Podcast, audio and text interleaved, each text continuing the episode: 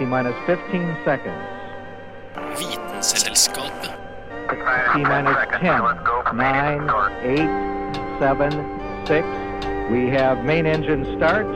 4, 3, 2, 1, and liftoff. Vitenselskapet. Vitenselskapet på Radio Nova.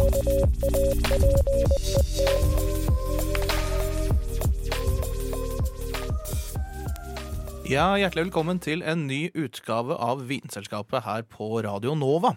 Vi lever jo i en eh, reisetid, en usikker tid, kanskje en skummel tid. Vi skal komme litt inn på hvorfor dette gjelder litt senere i sendinga, men først vil jeg introdusere mine partnere for dagen. Det er nemlig Julianne Lifjell.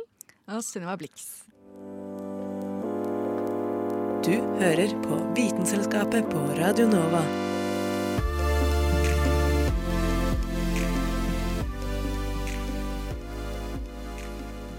Men vi begynner litt sånn uh, i et annet gir, for det er flere ting som flyr enn bare menneskelagde fly. Carl Adams Kvam heter en mann som er veldig glad i bevingede kreaturer, som i dag skal fortelle oss om en av disse.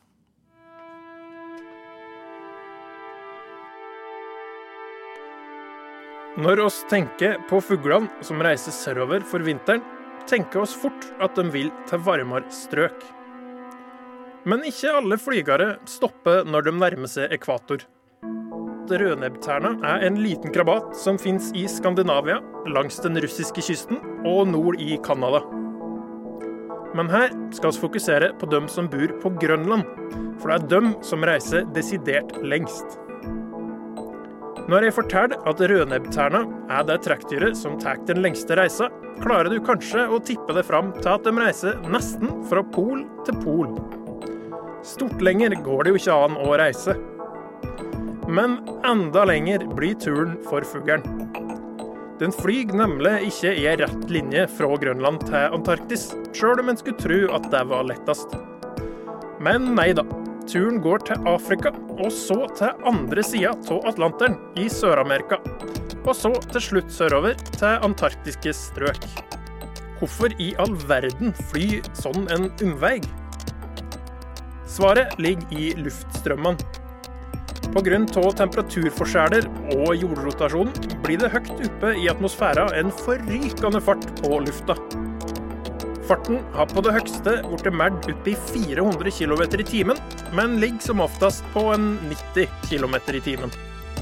Oss sjøl drar òg nytte av luftstrømmene når oss flyr, og sparer masse bensin med ei nøye planlagt rute. For rødnebbterna, som veier i overkant av 100 gram, er det mye energi å spare på å drive med luftstrømmene. Så en svipptur innom Sør-Amerika koster lite. Når fuglen så flyr den siste biten sørover, har turen endt opp på ca. 35 000 km én vei. Det er samme avstanden som Nordkapp til Lindesnes 20 ganger. Enda mer imponerende er det når en ser hvor langt rødnebbterna flyr i løpet av livet. Fuglen kan bli opptil 30 år gammel, og når en flyr 70 000 km for året, blir det lange avstander det er snakk om. I alt blir det som å reise til månen og tilbake. Tre ganger. Maken til myrslukar. Akkurat hvorfor rødnebbterna tar denne lange reisa, er det ikke noe godt svar på. Ei hypotese er at det er for de gode fiskemulighetene rundt polene på sommerstid. Men langt reisen i hvert fall. Og det vet oss fordi bitte små sporingsenheter har blitt festa på forskningsfugl. En dag vet oss kanskje hvorfor, men uansett kan rødnebbterna bruse med fjørene som migrant numero uno.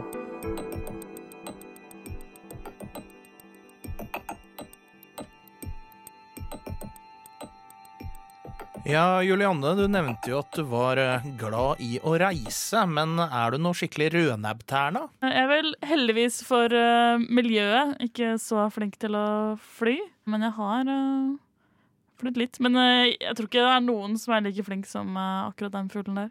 Nei, eh, jeg tenkte, tenkte på det at eh, selv om man er veldig veldig flink til å fly, så spørs det om du klarer å nå opp i så mange kilometer i løpet av livet. Altså. Men jeg bare regner med én ting. Det er greit det er litt skam knytta til det nå, men vi har vel alle vært ute og flydd, har vi ikke det? Jo. Ja, litt for mange ganger, føler jeg nå. Litt for mange ganger. Ja, Personlig så føler jeg også det, mer av at det er veldig lite plass til bein og de greiene der, da. Men Ikke likevel pga. miljøet i det hele tatt. Nei, ja, kanskje litt, da. Men, eh, men har dere tenkt over at den maten man får servert på fly, den smaker ofte litt rart? Ja, det er ikke så veldig mye smak i den, egentlig. Nei, det, er konklusjonen du har dratt deg. Den smaker ikke så mye. Altså, i forhold til, Du får jo ofte Det er ikke sånn annerledes mat. Du får jo ofte det samme type mat som du ville spist på bakken, men det smaker litt mindre for det alltid. Jeg syns det smaker mest olje og olje og loff, liksom. Uansett nesten hva det er. Ja, for det er jo nemlig en vitenskapelig forklaring på dette fenomenet her med dårlig i hermetegn flymat. Og det er jo fordi at oppe i flyet så er det jo fryktelig, fryktelig langt over bakken. Der oppe kan jo ikke vi mennesker puste sånn egentlig, så derfor er jo flyet eh, satt under trykk. Og det som skjer når du er satt under trykk, er jo da at også våre kropper er satt under trykk. Og dermed, som en reaksjon på dette, så døyves smakssansene ned.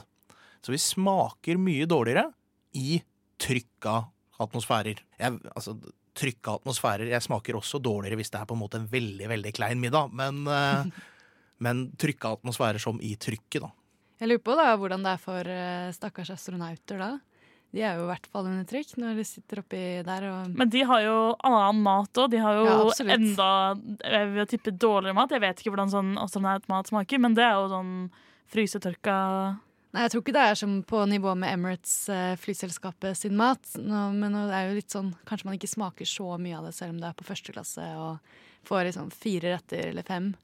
Men eh, ja, jeg er helt enig i det at det er ikke sånn supermye smak i det. Men er altså. det noe man kan gjøre med det, som å lage sånn sterkere mat eller mer smaksrik mat på en annen måte? Det er nettopp det kokkene gjør, fordi de tar med i beregninga når de lager maten, at den skal faktisk spises i et, en trykka liten kanne eller boks langt, langt, langt over bakken.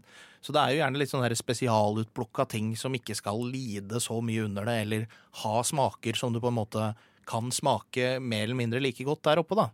Men det er veldig mange, for eksempel eh, nordmenn, liker å gjøre på tur til utlandet, er jo å ta seg et glass vin, eller ta seg en øl. Og spesielt vinen. Den blir mye, mye surere og mye mer sånn syrete når du er oppe i, eh, oppe i flyet. Så hvis du på en måte har tatt deg et vinglass da, og kjent på den der, der at nei, det her var jo ikke den vinen jeg kjente, så jo det, stemmer jo det òg. Så neste gang skal jeg ikke klage på at eh, den er litt ekstra sur. Den. Ja, når du sier det, så husker jeg det ganske godt at eh, de veldig få ganger jeg har tatt meg et glass vin på fly, så det er ikke det samme, ass. Det er ikke det. Jeg synes miljøbevegelsen har fått et nytt argument der. Altså, ta toget. Ta deg et glass vin på toget isteden. Det smaker mye, mye bedre enn det gjør oppe i flyet. Oslo 2 igjen, Oslo 2. Dette er Vitenselskapet. Radio November, Oskar, Viktor, Alfa. Men vi var jo litt inne på fly her fra før, fordi det var en gang et fly, som det het, som fløy fra Frankrike til USA. På en helsikes fart, husker dere hva det het? Nei. Jeg tror det var et par år før jeg ble født, kanskje. Oi, oi, oi. Nei, det er ikke så lenge siden. Nei, det var en sånn fryktelig flystyrt hvor det gikk ned over et boligfelt i Frankrike. Det var dette overlydsflyet. Det. Concorde. Det var jo veldig populært blant de rike og mektige, selvfølgelig. Forurensa som et uvær, det òg, selvfølgelig. Men vi er på vei til et enda raskere fly. Bare hør på den her. Se for deg geparden, det raskeste dyret på jorda, løpe over savannen i 120 km i timen. Det er veldig mye raskere enn det vi mennesker klarer å løpe. Men setter vi oss inn i en Bugatti Chiron Longtail, den raskeste bilen i verden for tida, kjører vi lett forbi geparden i 490 km i timen. Vi beveger oss imidlertid fortsatt bare halvparten så raskt som det Boeing-flyet som flyr over oss på vei fra London til Sydney. Allikevel bruker Boeing-flyet hele 19 timer på reisen fra England til Australia. Det er like lang tid som det tar å se alle Ringenes herre-filmene og hele den siste sesongen av Game of Thrones, med et par timer til overs. Er det rart at forskere og flyingeniører ser seg om etter teknologi som kan få flyene til å fly raskere? I 2019 så ble det australske og det britiske romfartsforbundet enige om å samarbeide tettere om utviklinga av det de kaller verdens første rombro. Rombroa er et fly som både kan fly superraskt og ut i verdensrommet. Og det er anslått at flyet kan tilbakelegge avstanden mellom London og Sydney på bare fire timer. Og det er knapt ti Friends-episoder. Men hvordan skal de få til å bygge et så raskt fly? Det må jo tross alt kunne fly nesten sju ganger raskere enn Boeing-flyene som brukes i dag. Hemmeligheten den ligger i en spesiell motor, som kalles Sabre-motoren. Sabre står for Synergetic Air Breathing Rocket Engine. Og du hørte riktig, denne motoren puster luft. Akkurat det er en viktig nøkkel for å kunne fly raskt. Når man kommer opp i veldig høye hastigheter, genererer man nemlig så mye varme at lufta rundt blir supervarm, opptil 1000 grader celsius.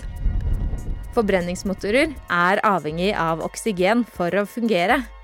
Men fordi lufta utafor hittil har vært for varm til at motoren har kunnet bruke den, så har raketter vært nødt til å ha med seg sin egen nedkjølte oksygen på turen. Og jo mer oksygen flyet har med seg, jo tyngre blir det, og jo mer drivstoff trenger man, osv.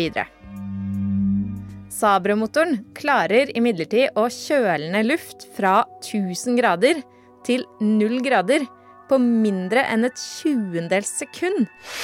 Takket være en ring som er dekka i masse små rør med supernedkjølt helium. Som betyr at eh, man slipper å bære med seg oksygenet, og dermed kan fly raskere. Faktisk kan man med Sabre-motoren fly opptil fem ganger så raskt som lydhastigheten innad i jordas atmosfære. Og det er ca. 50% raskere enn Concorde-flyene kunne i sin tid. Rombroa skal etter sigende være i kommersiell drift i 2030-årene. Så da er det bare å tenke på hvilke ti Friends-episoder du vil ha med på turen.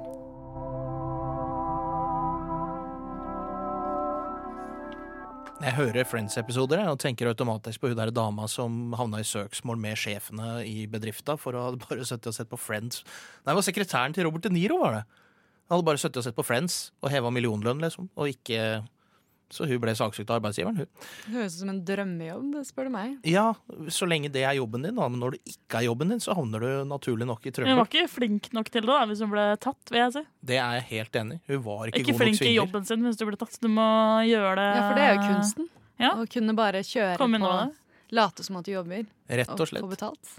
Men uh, en liten fun fact om uh, Saber-motoren som Hanne Grylland prata om, er jo, som hun sa, så kan den gå fem ganger fortere enn lydens hastighet innafor atmosfæren. Men hvis du bruker den på et fartøy som reiser ut atmosfæren, så kutter den fra å bruke oksygen fra lufta vår til å bruke medbrakt oksygen, og da kan den faktisk gå 25 ganger raskere enn lydens hastighet. Det er ganske stilig. Det er sykt. Det må kunne være innen Altså det må være i noe som tåler den fastigheten òg, da. Det, for det er jo ikke alle materialer som holder seg gode i den farta. Det er jo et godt poeng. Og et annet poeng å ta med i den sammenheng er jo hvis du først reiser ekstremt fort, så er det jo noe som heter G-krefter. Og de G-kreftene kan gjøre deg ganske dårlig, kan til og med drepe deg til slutt. Men det er jo ikke det eneste som kan påvirke deg når du er ute og reiser. Nei, for dere har vel en eller annen gang i livet vært reisesjuk, som det heter. Bilsyk, båtsyk, flysyk. Ofte så blir det man blir det når man, blir, når man er liten. Så vokser man litt av det, men det kan jo fortsatt hende. Jeg tenkte da vi kunne ha en liten quiz for å se hva slags sånn kjerringråd dere vet om, og om de faktisk funker. For jeg har funnet noen da, og funnet ut om de funker eller ikke. Så da kan vi bare begynne med liksom, hva, hva er det dere har hørt da, som kan hjelpe? Du skal, hvis du blir bilsyk, så skal du sitte foran helst. Den brukte søstera mi til gangs. På at jeg alltid måtte sitte bak. Fordi nei, jeg blir så bilsyk, så jeg må sitte foran og se på veien. Istedenfor å spille Gameboy eller lese Donald eller samme hva det var. da. Men det, det er kanskje bare mer sånn derre Det er jo et kjerringråd at du må følge med på veien. Men da, Vi kan begynne med den. da Vi kan ta det litt sånn som vi snakker om det. Eh, tror du den det funker? Jeg tror egentlig at det hjelper deg til å realisere situasjonen du befinner deg i. At du faktisk er i bevegelse, at du følger med på bevegelsen du er i, så du ikke liksom sitter og blir flytta på uten at du kjenner det sjøl. Ja, fordi eh, Hvis du tenker over det, da, eh, det glemte jeg å nevne, men man får jo aldri reisesyke når man kjører selv, eller når man sykler, f.eks. Eh, det hadde vært veldig dumt om du skulle bli reisesyk mens du kjørte, selv om det sikkert på en måte er mulig. da. Så funker det faktisk å sitte lenge frem i eh, bilen eller bussen, eller eh, Jeg vet ikke hvor mye det funker i et fly, men eh, eh, generelt sett så gjør det det, fordi at da du, du kan følge litt mer med på horisonten, som regel. Det er et godt tips da, hvis du blir bilsyk, for det er noe som står stille. For det som skjer inni hodet ditt når du blir bilsyk, eller flysyk eller all slags type restsyk, er at øynene dine ser liksom bilen. Du sitter stille. Eller i flyet eller på båten, så er du liksom i ro.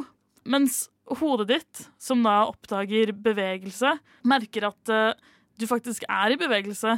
Du sitter ikke stille, og da blir det en sånn ubalanse mellom hva øynene dine ser og hva ørene dine oppdager, som gjør at du har en sånn naturlig reaksjon, som er da ofte å spy eller å bli kvalm.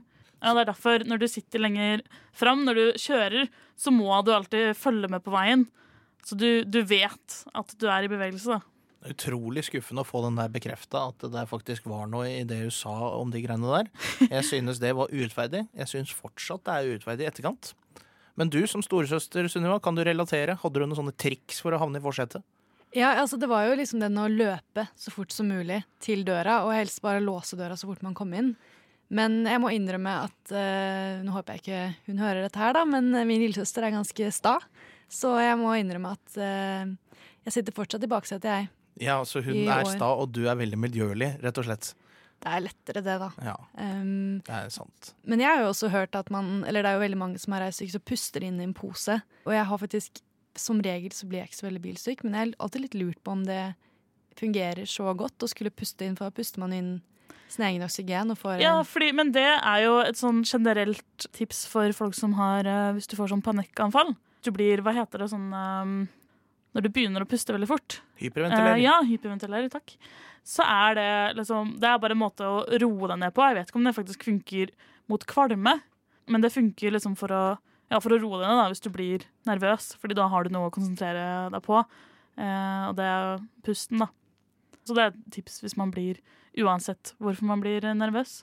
Men eh, er det noen som har hørt om eksempel sånn bånd som man setter rundt Det kaltes for sånn akkubånd eller noe sånt. Som er da man eh, Det ser ut som en klokke, måte, som du setter rundt håndleddene. Og som skal hjelpe. Og det er et stort selskap fra Kina tror jeg det eh, som har solgt mange av disse båndene. Og jeg husker lillesøsteren min hadde det, og det er mange som sverger til at dette skal hjelpe. Og så klart, selskapet sier jo at de har solgt mye, men eh, det legene sier, er at det er jo på samme måte som akupunktur, da. Det er ikke så veldig mye medisinsk eh, forskning som eh, kan backe det opp. Så det går på følelsen. Det går på, Ja. Vi er litt i Goop-land, nesten. Nei, vi skal, ikke, vi skal ikke være så strenge. Det syns jeg blir Jeg kanskje litt, litt i overkant. Jeg tror jeg husker uh, lillesøsteren min hadde det, og eh, kastet fortsatt opp på meg. Så eh, Men du kastet opp bedre, er det jo lillesøsteren din sier da. Det er jo kanskje ikke så dumt, men jeg føler, høres ut som eh, et ganske bra salgstriks, syns jeg, da. Bare komme fram med det. Prøve litt å ja, selge litt luft og ja, litt eh, Så vi har altså fått bekrefta at nummer én, det er faktisk bedre å sitte og se på veien og følge med på hvordan du reiser. Og så nei, kanskje, jo. Litt avhengig av feelinga. Du spyr likevel, men du spyr og føler deg litt bedre hvis du bruker akupunktur. Da har vi jo lært litt, da. Ja, Og så kanskje ha litt mer luft. Åpne vinduet eller noe, for det funker veldig bra. Vitenselskapet. Vitenselskapet på Radio Nova.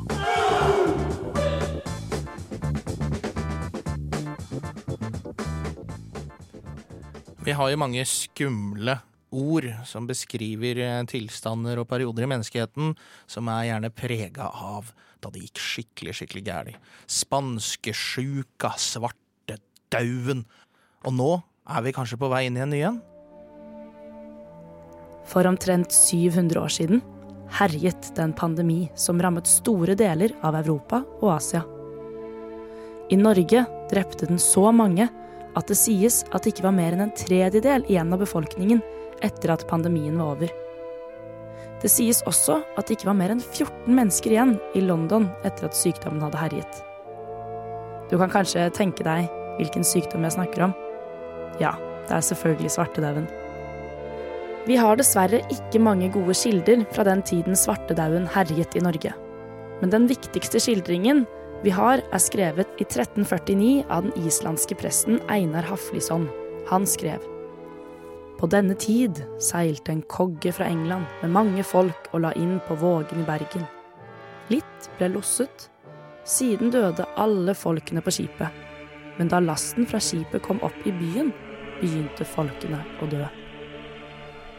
Men hva er egentlig en pandemi? Jo, en pandemi er en sykdom som rammer veldig, veldig mange mennesker og brer seg utover et stort geografisk område. Ofte opptrer infeksjoner med influensavirus som pandemier. Det klassiske eksempelet på en pandemi er spanskesyken, som var en influensapandemi som i perioden mellom 1918 og 1920 rammet store deler av verden. Mellom 50 og 100 millioner mennesker døde. Det vil si at flere døde av spanskesyken enn folk døde under første og andre verdenskrig samlet. Nå sitter du sikkert og tenker på det beryktede koronaviruset.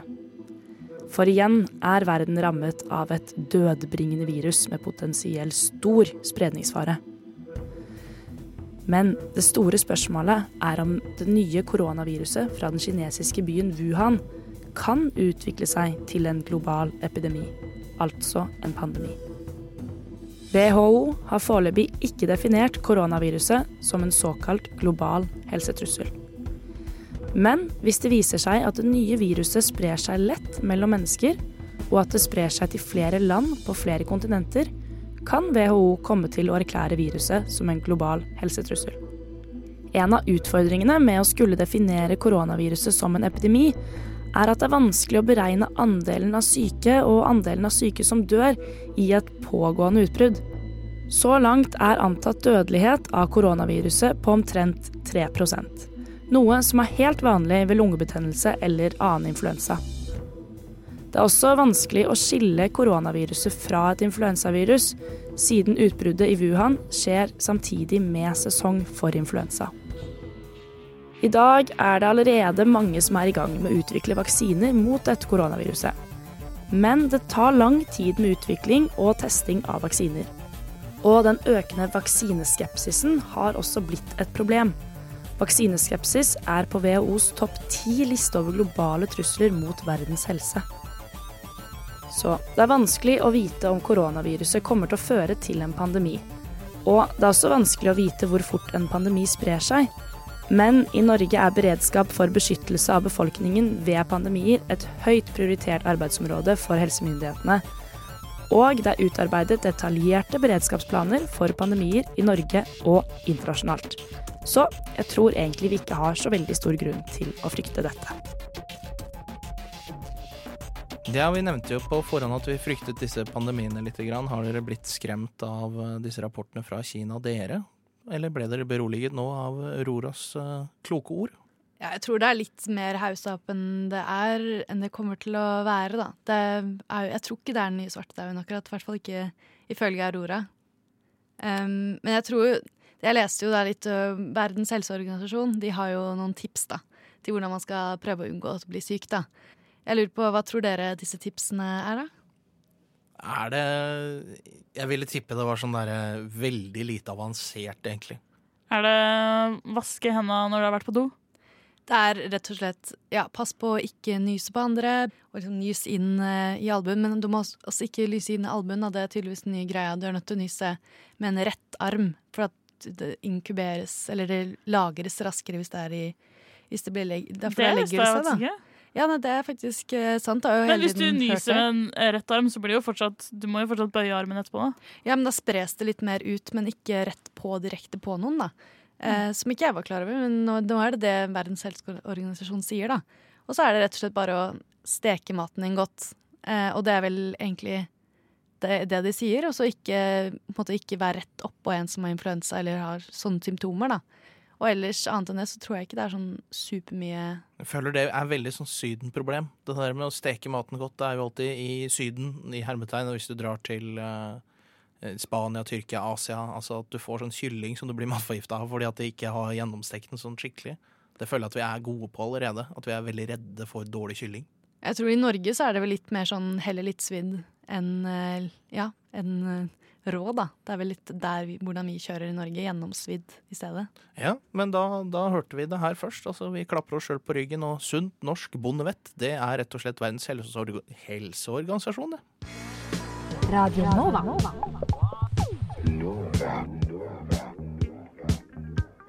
Du hører på Radio Nova. DAB, nettspiller og mobil. Ja, vi er jo veldig stolte av en uh, nordmann spesielt, eller i hvert fall to, kan vi vel si. Er det oss to? Ja. Du, nei, jeg er veldig stolt av dere to, i hvert fall, men nå tenker jeg litt sånn tilbake i tid. Dere er ikke helt der ennå, men med litt jobbing kanskje dere kommer opp. Det er Nansen og Amundsen. Men så har det liksom vært litt sånn der tvil om hvem er det som har vært på Nordpolen. Fordi hvor er egentlig Nordpolen? Året er 1958. Den amerikanske ubåten Nautilus glir rolig gjennom Nordishavet. Akkurat som sin oppdiktede navnebror er også denne ubåten på en reise som vil skrives ned for fremtiden. Den ble kalt Operation Sunshine, men målet var å nå et sted hvor solen ikke skinner, nemlig den geografiske Nordpolens nordligste punkt, under isen. Ubåten Nautilus hadde egentlig allerede oppnådd en verdensrekord. Det var nemlig verdens første funksjonelle atomdrevne ubåt, og det var også dette som i det hele tatt gjorde det mulig å seile under isen på Nordpolen. Fordi den var drevet av atomkraft og ikke diesel, kunne den være under vann mye lenger enn andre ubåter. 1.8.1958 dukka den under isen. Man kan bare tenke seg hvordan det må ha vært for de 116 mennene inni det digre monsteret av en undervannsbåt som forsvant under den tjukke polisen.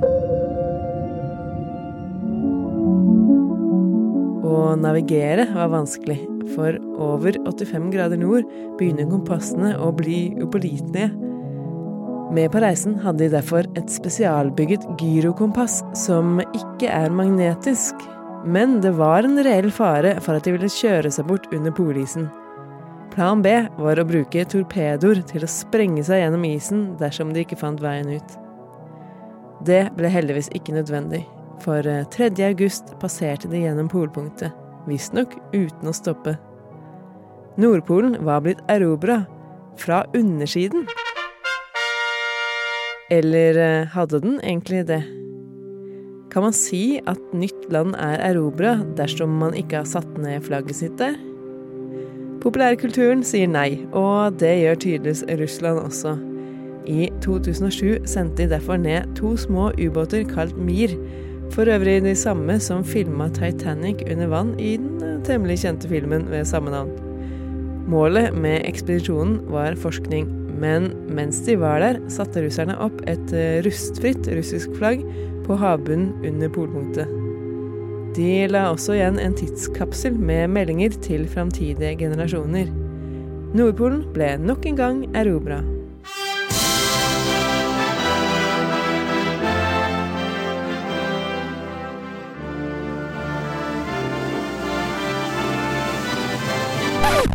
Og det som jo er fordelen for russerne, er jo at med tanke på hvor fort polisen smelter, vil alle flagg som plantes på polpunktet, før eller senere havne på havbunnen. Og der var faktisk det russiske flagget det første. Hohoi!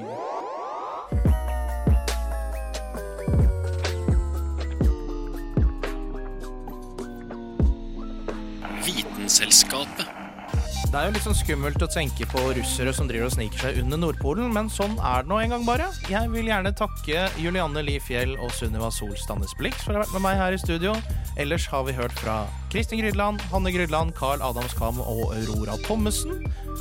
Neste uke er vi tilbake, samme sted, samme tid. Du finner oss både på nettet, i podkastappen, på DAB Live på tirsdager klokken ti, og ellers som smilende mennesker rundt i Oslos travle hverdag. Jeg heter Dag Løve Magnussen og takker for følget i dag. Adjø. Vitenselskapet.